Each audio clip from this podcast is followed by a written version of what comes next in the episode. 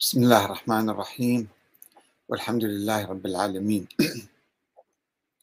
والصلاة والسلام على محمد وآله الطيبين. ثم السلام عليكم أيها الأخوة الكرام ورحمة الله وبركاته. هل كان الإمام الصادق يقلد ابن عباس ويأخذ علومه منه أو بعض علومه منه؟ حديث وقوف الأرض على الحوت ينسف نظرية الإمامة الإلهية وعلم الأئمة. في الحقيقة نحن نطرح هذا الموضوع كما نؤكد دائما هذا الموضوع والمواضيع الأخرى المشابهة من أجل القضاء على الطائفية في المجتمع الإسلامي على الانقسام بين ما يسمى الشيعة والسنة. الناس كلهم اليوم مسلمون. ويعيشون في ظل أنظمة ديمقراطية بصورة عامة. أتكلم ولا أتحدث عن الأنظمة الملكية المستبدة الموجودة إنما بصورة عامة من ماليزيا وأندونيسيا إلى الشرق الأوسط وإلى أفريقيا. يشوفون المسلمين الآن متحدين مع بعض ويعيشون في ظل أنظمة ديمقراطية. يعني حكام منتخبين من عندهم مو معينين من قبل الله. ولا حكم عسكري ولا حكم مثلا ملكي وراثي مطلق. في بعض البلاد يوجد هذا الشيء. إنما مثلا بالعراق عندنا عندنا نظام ديمقراطي صار له 20 سنة تقريبا الآن ولكن في عندنا انقسام طائفي. الانقسام الطائفي يعرقل العملية السياسية وبناء البلد. لأنه في تصير محاصصة بعدين. هذه المحاصصة التي نشكو منها المحاصصة الطائفية وفوقها المحاصصة القومية والحزبية أيضا. ف تشوفون أكو فشل عندنا بالعراق في إنجاز المشاريع وفي تحقيق أهداف الناس ومصالحهم لأنه في عندنا انقسام طائفي. ونريد نجيب نظام قوي نظام سياسي قوي يعني حاكم منتخب مباشرة من الشعب حتى يكون قويا فوق المحاصصة ويرفض المحاصصة وينفذ وعوده ومشاريعه. فيقولون لا إحنا سنة وأنتم شيعة إحنا شيعة وأنتم سنة. فما يصير إحنا أخاف يجي حاكم شيعي يسيطر على البلد قوي وأخاف يجي حاكم سني يسيطر على البلد بشكل قوي وبالتالي راح نضيع. فتضيع المصالح الطائفية التي يحميها بعض تجار الدين اللي ما أسميهم رجال دين ما عندنا بالإسلام رجال دين إنما أكو ناس تجار يحافظون على هذه الصيغة الطائفية لكي هم يعيشوا ويعيشوا على التفرقة على التفرقة هاي التفرقة من أين نشأت؟ هذه المشكلة الآن إحنا بعد 1400 سنة جايين في القرن الخامس عشر الهجري أو ال 21 ميلادي وليش إحنا سنة وشيعة؟ شنو يعني إحنا سنة وشيعة؟ إحنا مسلمين كلتنا. نؤمن بالله تعالى ونوحده ونؤمن بالنبي والأنبياء السابقين ونؤمن بيوم القيامة. ونصلي ونصوم ونحج ونزكي وكل شيء نفعل نفس ما يفعل بقية المسلمين. فشنو؟ يعني أنه إحنا شيعة مثلا. في الحقيقة عندنا بعض النظريات المغالية الموروثة بأهل البيت. أهل البيت من هم؟ هناك تفسير يقول أهل البيت هم نساء النبي. وهناك من الشيعة من يمط هذا المصطلح أو يمده إلى ذرية النبي إلى مثلا الأئمة الاثنى عشر أو الأحد عشر يقول هؤلاء مثلا أئمة منصوصون منصوص عليهم من الله حتى هم يحكموا كانوا مو الآخرين العباسيين والأمويين لا هم الله نص على الإمام علي وذريته هذا. لا. بس النص على الإمام علي في جدل في نقاش في بعض الحديث الغدير مثلا ولكنه كان في الزمن الأول يختلفون حول معناه. هو الإمام علي ما كان يفهم به النص الصريح عليه بالإمامة لأن الله سبحانه وتعالى لم يتحدث في القرآن الكريم عن نظام الحكم والدستور ومن يحكم ومن ما يحكم وشلون يصير انتخابات وقانون الانتخابات كيف هذا ما موجود بالقرآن. متروك للناس. يعني الحكم مدني. الحكم في الإسلام مدني وليس ديني بين قوسين. الحاكم عليه يطبق الدين ولكن هو مو جاي من الله مو ظل الله في الأرض مو جاي هو منتخب من الناس. هذه هي نظرية أهل البيت نظرية الشورى. هي نظرية أهل البيت السياسية الحقيقية. ولكن بعد قرون في القرن الثاني الهجري والقرن الرابع بعدين تطورت. برزت نظرية تقول لا. الإمامة بالنص من الله تعالى إلى الإمام علي وفي ذريته إلى يوم القيامة. نظرية ممتدة ليوم القيامة. طيب والخلفاء الراشدين والصحابة الأنصار المهاجرين اللي انتخبوا أبي بكر كان ذولا. اشتبهوا أو أخطأوا أو ارتدوا أو كذا أو خالفوا النص. هكذا يقولون. طيب وبقية الأئمة هل يوجد عليهم نصوص؟ لا يوجد أي نص على أي من إمام من الأئمة ولا وصية حتى. فذلك أو أبناء الأئمة نفسهم كانوا يختلفون. كل واحد يقول شكل كل واحد يدعي الإمامة. كان في يعني إذا درسنا نظرية الإمامة في القرن الثاني والقرن الثالث الهجري نكتشف شلون فيها مشاكل وتحديات وصعوبات واختلافات وتفرق حتى تفرق الشيعة في نهاية القرن الثالث إلى 73 فرقة صاروا. أو 70 فرقة مثلا. يعني ليش؟ لأنه ما في نص واضح وصريح وكذا حتى يتبعوه. فنظرية الإمامة تقول هذه الإمامية الذين برزوا ووجدوا في القرن الثاني الهجري أنه الإمامة بالنص. طيب الإمام بالنص شو نسوي له؟ شنو شغل الإمام؟ الإمام هو يقود الأمة الإسلامية. طيب وبعد عنده علم من الله. فما يصير إمام الله يعينه وما عنده علم. كلها فرضيات خيالية يعني. ويسووا لها أحاديث. قال الباقر قال الصادق. كلها كذب. لا قال الباقر ولا قال الصادق. هم ذول الإمامية كانوا يسوون حديث أنه الأئمة عندهم علم من الله. فما يصير الله يعين إمام وما ينطي علم. ومو مو مرة واحدة لا يوميا ينزل عليه أو كل ليلة جمعة أو شهر رمضان ليلة القدر والملائكة ينزلون على الأئمة ويعطوهم علم. هؤلاء غلاة كانوا يقولون مو الشيعة كانوا يقولون. لا أهل البيت ولا الشيعة كانوا يقولون ذلك. الغلاة آه، اللي كانوا يلتفون هم قاعدين بالكوفة والإمام صادق بالمدينة أو الإمام الباكر ويسوون لهم أحاديث. قال الإمام الصادق يعني تصوروا في ذيك الأيام في زمن الإمام الصادق مثلا وكيل الإمام الصادق المعتمد في الكوفة وكيل العام ماله؟ اسمه أبو الخطاب محمد بن مقلاص أبو الخطاب. هذا كان يقول إيه كان يروي الأحاديث الأئمة تنزل عليهم ملائكة وعندهم علم من الله وكذا. بعدين الأئمة كانوا ينفون. كان يقول لا آه، هذا الإمام نبي من أنبياء الله. في البداية قال هالشكل. لما ينزل عليه وحي شو يصير؟ يصير نبي. هو الوحي شنو هو؟ النبي إذا نزل على إنسان وحي بعلم بشريعة بدين صار نبي. الله يوحي للنمل وللنحل ولكل الناس مثلا الطبيعة البشرية اللي الله خلقها. هذا وحي من الله تعالى. ولكن الوحي الخاص نتحدث عنه. إذا صار عنده وحي خاص وعلم خاص من الله صار نبي هذا.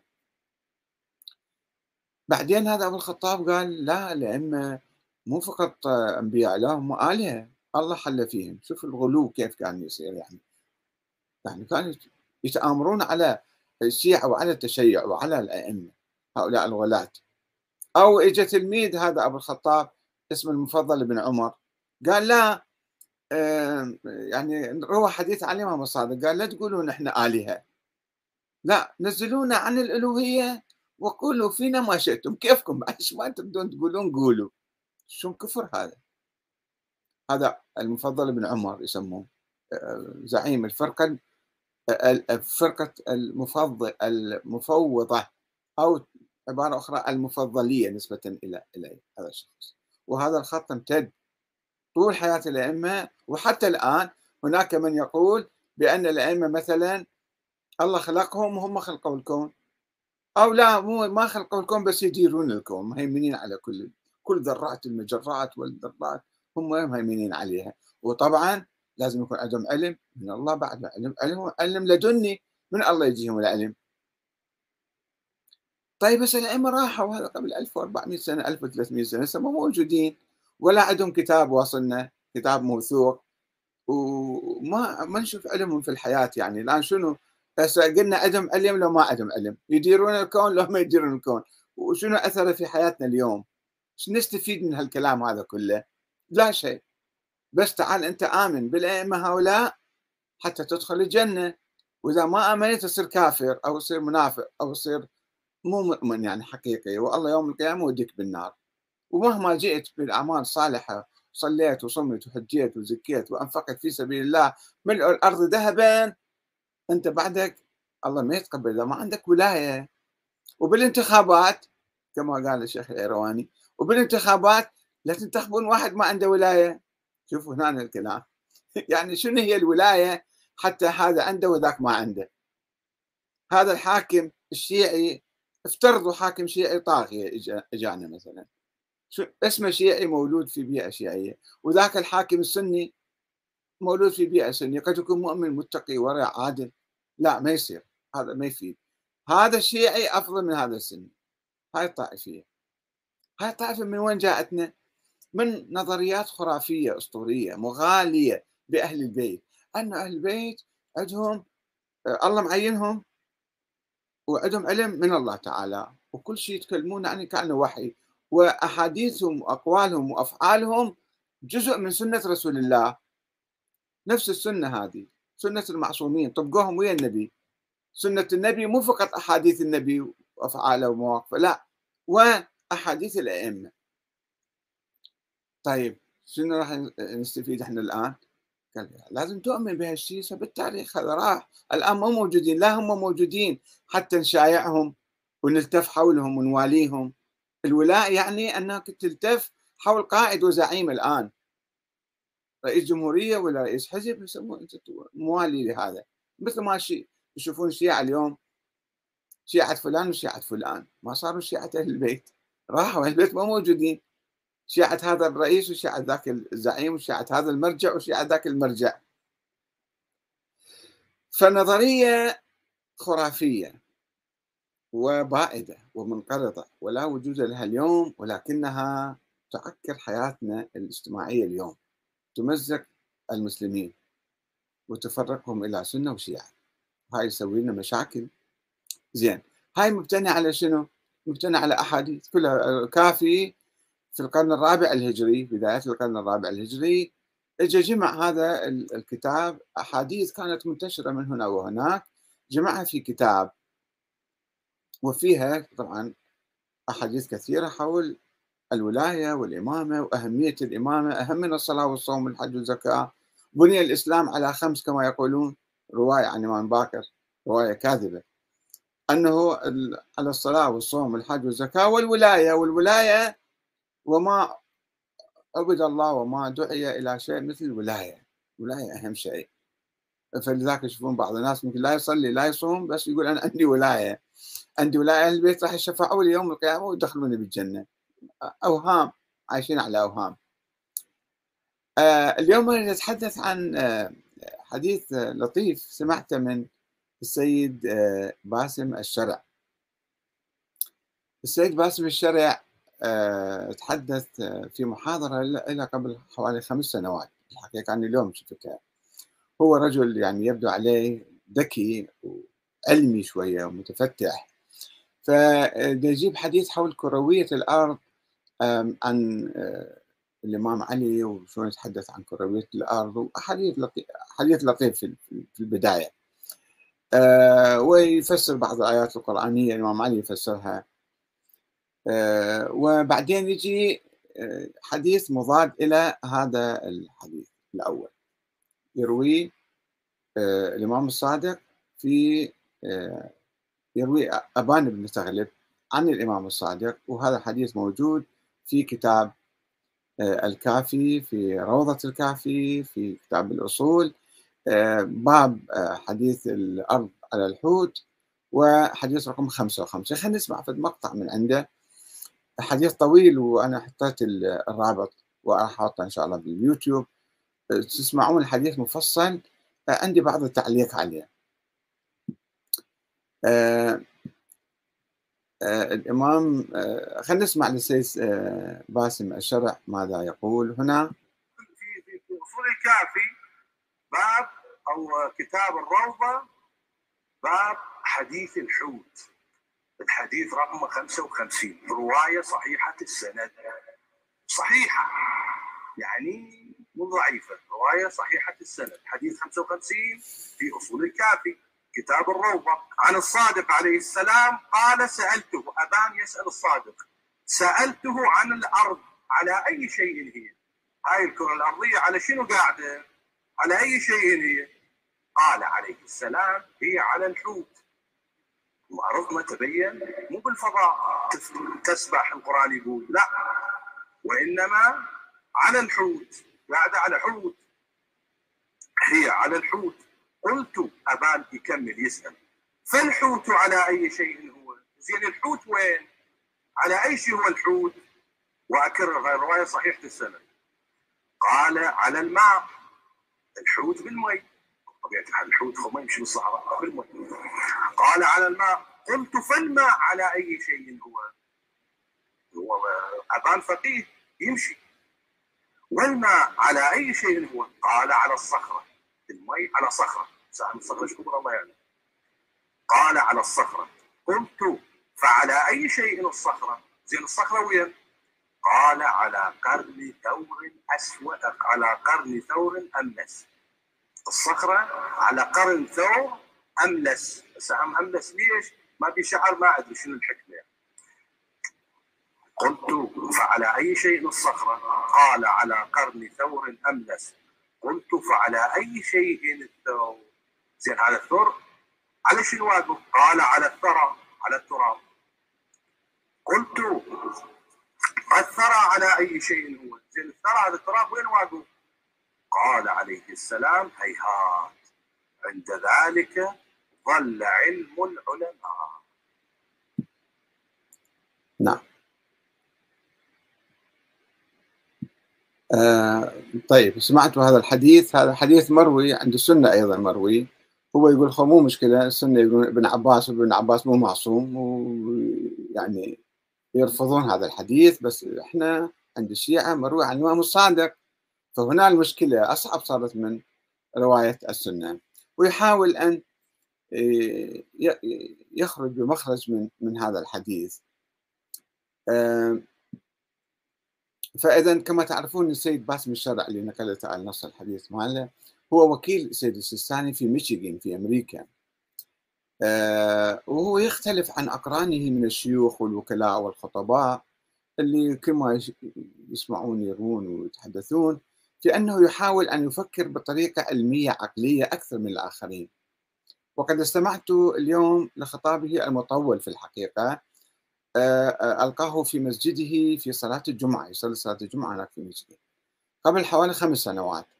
وتحدث فيه في البداية عن تفسير الإمام علي لآية فلا أقسم بالخنس الجوار الكنس أنه هاي تعني الثقوب وتعني النجوم اللي تبتلع بقية النجوم وما شابه هذا مو مهم مو شاهدي مو محل شاهدي ثم عرج على موضوع آخر وهو وقوف الأرض على الحوت. هذا الحديث سمعته والحوت على الماء والماء على الصخرة والصخرة على قرن ثور أملس والثور على الثرعة وبعدين عند ذلك ظل علم العلماء.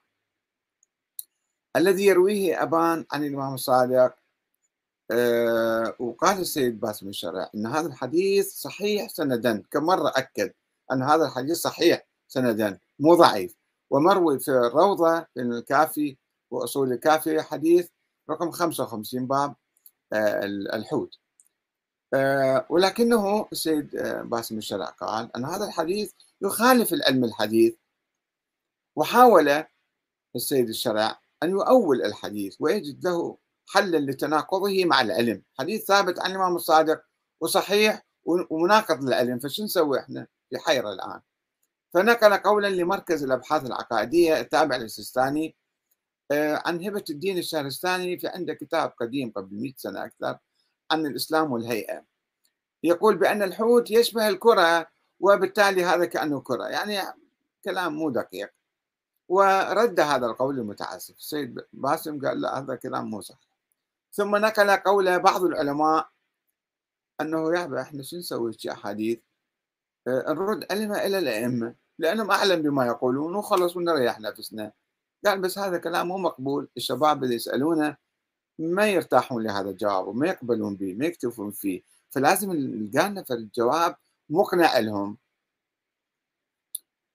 آه وحاول بعد ذلك أن يفسر قول الإمام الصادق الصحيح. هذا اللي بنظري أنا حديث صحيح آه آه قال بأنه صادر للتقية قال هذا حل جدا يعني مهم جدا. وذلك لأن وذلك نظرا لأن رواية الأرض على الحوت تقف الأرض على الحوت مروية عن ابن عباس عند السنة. وابن عباس هو أبو الخلفاء العباسيين جدهم. ولذلك لم يستطع الإمام هكذا يقول السيد باس بن الشرح يقول لم يستطع الإمام أن يتفوه برأي آخر يخالف الثقافة العباسية السائدة. هسه العباسيين ملتهين بتركيز حكمهم في أيامهم الأولى هل مهتمين بهذا الحديث أو لا؟ المهم هذا السيد يتخيل يعني. آه، فكرر الإمام الصادق رواية ابن عباس تقية خشية أن يتهمه العباسيون بالزندقة ويقتلوه. هكذا قال السيد باسم الشرع. وتساءل الشرع لماذا لم يخبر الإمام الصادق تلميذه آه، آه، الموثوق بهذا الحديث؟ لماذا يخبر الإمام؟ ليش يقول الأبان اللي هو هذا من تلاميذ الإمام زين العابدين والباقر والصادق رجال شايب كان صاحب. توفى سنة 141 يعني في بدايات تأسيس الدولة العباسية. الدولة العباسية 32 هذا 41 ولا تسع سنوات تقريبا. فقال ربما السيد هذا باسم الشرع يعني يتخيل بعض الأجواء. فقال ربما كان الحديث في مجلس عام وكان هناك عين للعباسيين. أكو جواسيس عندهم قاعدين يشوفون الإمام إيش يقول. ليش ما يعرفون الإمام ما عنده علم بالغيب. وأنه أو أنه خاف على أبان أن ينقل راي صحيح ويتعرض بالتالي لمتاعب واتهام بالزندقة يقول تصل الزنديق. وأضاف الشرع مما يدل على أن حديث الإمام الصادق صادر عن تقيه هو قوله في نهاية الحديث وعندما سأله أبان والثرى على ماذا؟ ما تخلص الشغلة. والثرى على ماذا؟ فقال هيهات هناك أو عند ذلك ظل علم العلماء. فاستفاد السيد سامي باسم الشرع من هذا المقطع. قال وهذا يعني هذا دليل على التقية وهذا يتناقض مع عقيدتنا بأن علم الأئمة المعصومين غير محدود لأن الله كشف لهم حقائق الملكوت. علمهم الله كاشف علم كل شيء. فشلون يجاوبون جواب يعني مو صحيح خطأ. فهذا آه، لازم نقول تقية مو مو صحيح هذا. بس الإمام ما قال تقية هو السيد باسم يقول تقية. ولم يقل لنا السيد باسم الشرع متى حدث الإمام الصادق تلميذه أبان؟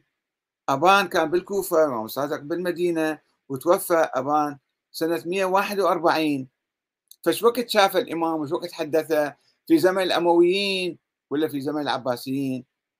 وهل كان العباسيون بتلك القوة في بداية عهدهم؟ وهل مهتمين بهذا الموضوع؟ ولا واحد قال حديث آه، مثلا آه، حديث مضاد لابن عباس راحوا يتهموه بالزندقة ويردون يفرضون ثقافتهم كل شيء. هم أحاديث كثيرة كانت منتشرة ويعني هنا وهناك وبعدين جمعت ورا 100 سنة. المحدثون جمعوها في كتب بالقرن الثالث الهجري. فالعباسيين من قال لك أصلا كان سامعين بهذا الحديث أو مهتمين فيه. آه، وهل كان بإمكان العباسيين أن يتهموا الإمام الصادق بالزندقة؟ الإمام الصادق يجوا يتهمون أنت زنديق. لمجرد رواية حديث حول الأرض كان يقول مثلا الأرض آه، لا مو دور بالفلك مثلا. شنو يقول؟ لا أنت كفريت يعني هذا. ما ما ما ما يمكنهم أن يقوموا بهذا العمل. طيب الإمام الصادق ليش يتكلم؟ يسكت. مو مجبور يتكلم بهذا الحديث. ما حد ما يقول له تعال قول لنا شنو القصة. هو مبادر متكلم. فشوفوا كلها فرضيات. يعني تعسفية وإجبارية ووهمية حتى يصحح هذا الحديث أنها للتقية. وقد كان بإمكان الإمام الصادق أن يقول بكروية الأرض ودورانها في الفلك في البداية وإذا افترضوا مثلا مثلا العباسيين امتعضوا وقالوا ليش أنت تتكلم ضد جدنا أو تناقض أقوال جدنا؟ فكان ينفي هذا القول يقول لا يا أنا ما قلت هذا تقية هذا واحد كذب علي. ويبرئ نفسه من هذا القول مثلا. هذه احتمالات ما خلاها سيد باسم في ذهنه عندما حاول أن وربما آه، نعذر السيد باسم الشرع بأنه كان يتحدث في خطبة خطبة جمعة في صلاة جمعة يعني في مسجد أمام بعض المقلدين للسيستاني والشيعة اللي موجودين هناك في ميشيغان. وبالتالي هم كان آه، يتحدث أمام مؤتمر علمي لدراسة التراث وتنقية الأحاديث. وتحليلها. يعني آه، بصراحه لازم يحكي الشيء يعني. ولذلك لم يطرح الاحتمالات الأخرى المعقولة غير التقية. وهي إيمان الإمام الصادق فعلا بأن الأرض تقف على الحوت والحوت على الماء والماء على صخرة والصخرة على قرن ثور والثور على الثرى. لا الإمام الصادق كان يؤمن بهالكلام. ليش ليش تنفي هذا الشيء مع الإمام الصادق؟ وإنه كان يتحدث ضمن حدود ثقافته الموروثة من ابن عباس. ابن عباس راوي الرواية وسامع بها الإمام الصادق وكان يرويها وما قال عن ابن عباس كأنه عنده علم من الله يعني. وأنه لم يكن له علم بحقيقة دوران الأرض في الفلك. وبالتالي فإحنا راح وين نرجع؟ راح الحديث هذا إذا صح وثبت هو ثابت عن الإمام الصادق. فراح ينسف نظرية الغلاة. اليوم بها سيد باسم الشرع أيضا لا يزال. هاي المشكلة هنا أنه هو يقول هذا عقيدتنا أن الإمام الصادق والأئمة كلهم آه، الله كشف لهم حقائق الملكوت يعرفون كل شيء بالكون. فشلون الإمام الصادق ما يعرف الأرض كروية وتدور بالفلك ولا واقفة على حوت والحوت على الماء والماء على صخرة وصخرة على ما أدري آه، ثور أملس. هاي شنو الكلام هذا؟ وطبعا هنا نرجع إحنا نقول الإمام الصادق لم يكن يدعي أنه هو عنده علم من الله ولم يكن يدعي أنه إمام من الله تعالى هو إنسان عالم. عالم وقد يشتبه العالم. العلماء قد يشتبهون يعني ما عنده علم من الله كل شيء ينزل عليه وحي. وهذا كلام سامع من هذا من ذاك وبالتالي آه، سامع آه، ابن عباس كان يرويه وتروى ما نسب لابن عباس لا هو كأنه كان يتكلم من عنده يعني. والله أعلم. فهنا إحنا إذا أخذنا هذا الحديث وتوقفنا عنده راح آه، يعني نتخلى عن النظريات المغالية بأئمة أهل البيت. قلنا هناك نظريتان نظرية أنهم علماء رواة أحاديث وقد يشتبهون مو معصومين. من قال لك معصومين؟ وين وين من قال معصومين؟ لا الله قال معصومين. ولا النبي قال معصومين ولا هم قالوا حتى إحنا معصومين. إنما الناس هذول الغلاة سووا نظريات حول أهل البيت وذول عندهم علم إلهي والله معينهم وبالتالي وقعوا في مطاب إنه أحيانا يتكلمون كلام غير منطقي أو غير علمي معارض للعلم. ف نظريه الأئمة رواة أحاديث وعلماء وعلماء عاديين مثل أي عالم آخر مثل ابن عباس نفترض. والبقية النظرية الأخرى المغالية لا. هاي النظرية الثانية تسقط. عندما إحنا نتوقف عند هذا الحديث وندرسه جيدا ونعرف كما يقول علماء الشيعة بأن هذا الحديث صحيح سندا كما قال السيد آه، باسم الشرع أيضا. فإذا هاي النظرية الأخرى المغالية أنهم عندهم مثلا حقائق الملكوت. الله مطيب منين جبت هالكلام يا سيد باسم؟ أرجوك أن تراجع هاي النظرية لازم تراجعها وإذا هو السيد ما راجعها المراجع لازم يراجعوها. وإذا المراجع ما راجعوها فعلى كل مثقف مؤمن موحد لله تعالى مخلص. يحب أهل البيت أن يتخلى عن النظريات الأسطورية المغالية. طبعا الغلاة ما يتوقفون عند هالنقطة هذه أن ذولا عندهم علم. لا يقول لك هم عندهم يديرون الكون أو هم الله خلقهم هم خلقوا الكون. هاي نظريات الغلاة المفوضة والخطابية وغيرهم وغيرهم والغلاة المعاصرين الآن مع الأسف الشديد حتى بالحوزة الآن نشوف ناس يرددون هالنظريات الموروثة من دون تحقيق من دون تدقيق من دون اجتهاد. حتى ناس يقول لك إحنا مراجع مسوي نفسه مرجع. بس هو مو مجتهد في عقيدته ولا مجتهد في الروايات. فإيش ما أكو يقبل يسمع ويروي إيش ما أكو بحار أنواره يجي يروي أو بالكافي. ولو احتمل السيد باسم الشرع هذا الاحتمال. انهم علماء قد يخطئون مو ناس عاديين كانوا ما كانوا لا الله معينهم ولا عندهم علم غيب ولا عندهم آه، حقائق الملكوت. فكان عليه أن يعيد النظر في ما يسمى عقيدته. يعني عقيدتنا إحنا منين جبت العقيدة هذه؟ لازم تبنيها على أسس ثابتة وراسخة. والنظر إلى الإمام الصادق نظرة معتدلة. كرجل عالم راوي أحاديث غير معصوم ولا علم له من الله ولا ينزل عليه الوحي. هذا كفر طبعا ينزل عليه الوحي يعني صار نبي. وربما كان يأخذ من ابن عباس الذي كان يروي ما يشاء من هنا وهناك ولم يكن يتحدث دائما عن معرفة ويقين ويقال أنه حتى كان يأخذ من الإسرائيليات. فإحنا ليش نقول مشبثين بهالنظريات المغالية التي تنعكس علينا سلبا اليوم وتفرق بيننا وبين إخواننا المسلمين؟ والله إحنا نؤمن بالأئمة بهاي النظرية. هاي النظرية أئمة ما كانت متبنيها والناس يدرون أحاديث عنهم. فخلينا نخلص من الروايات الضعيفة والمكذوبة ونأخذ القرآن الكريم أولا. القرآن ما بيه الأشياء كلها. ما بيه لا عصمة ولا نص على أحد ولا كذا. نأخذ القرآن الكريم ونتحد. وحدتنا بالقرآن الكريم والسنة النبوية طبعا. وأحاديث أهل البيت أيضا التي تنفي النص وتنفي الإمام الإلهي هاي موجودة بالكافي أيضا. ما ياخذوا هاي تقية. حديث إذا ما عجبهم يقولون هذا تقية. وحديث هم يردوه يعني مثلا لازم يغالون بالأئمة والإمام دي ينفي بالكافي موجود. يسأل الزيدية يسألوه هل أنت إمام مفترض الطاعة من الله؟ يقول لا أبدا. أنا لم أقل ذلك قال جماعتك بالكوفة يقولون؟ شو خصني بيهم هذا لا تقية صح. هذا حديث مو صحيح تقية. حديث صحيح بس يقولون تقية زين هذا حديث الأرض على على الحوت والحوت على الماء والماء على كذا. هذا يقول لك آه، هذا هم تقية أحسن شيء نريح نفسنا نقول هاي تقية فكل شيء ما ما راح يثبت عندنا شيء. أهل البيت ما عندهم كتاب حتى نعتمده. كتاب صحيح موثوق أحاديث من يدري تقية ولا مو تقية. فكل ما واحد يفسر الأحاديث كما يشاء. وينسب الأئمة ما يشاء هم تقية معصومين وحقائق ملكوت. وين؟ منين جبت الحديث هذا؟ هم تقية هذا. فالمشكلة هنا. لذلك نأمل من السيد باسم الشرع وهو كما يبدو عليه رجل مؤمن وعالم وذكي وعاقل وعلمي ويفكر الأمور بصورة يعني يدرس يحاول يدرس الأمور وما يتكلم مثل بعض الخطباء اللي يجون اجى ببالهم يتكلمون على المنابر هو لا شوية أفضل.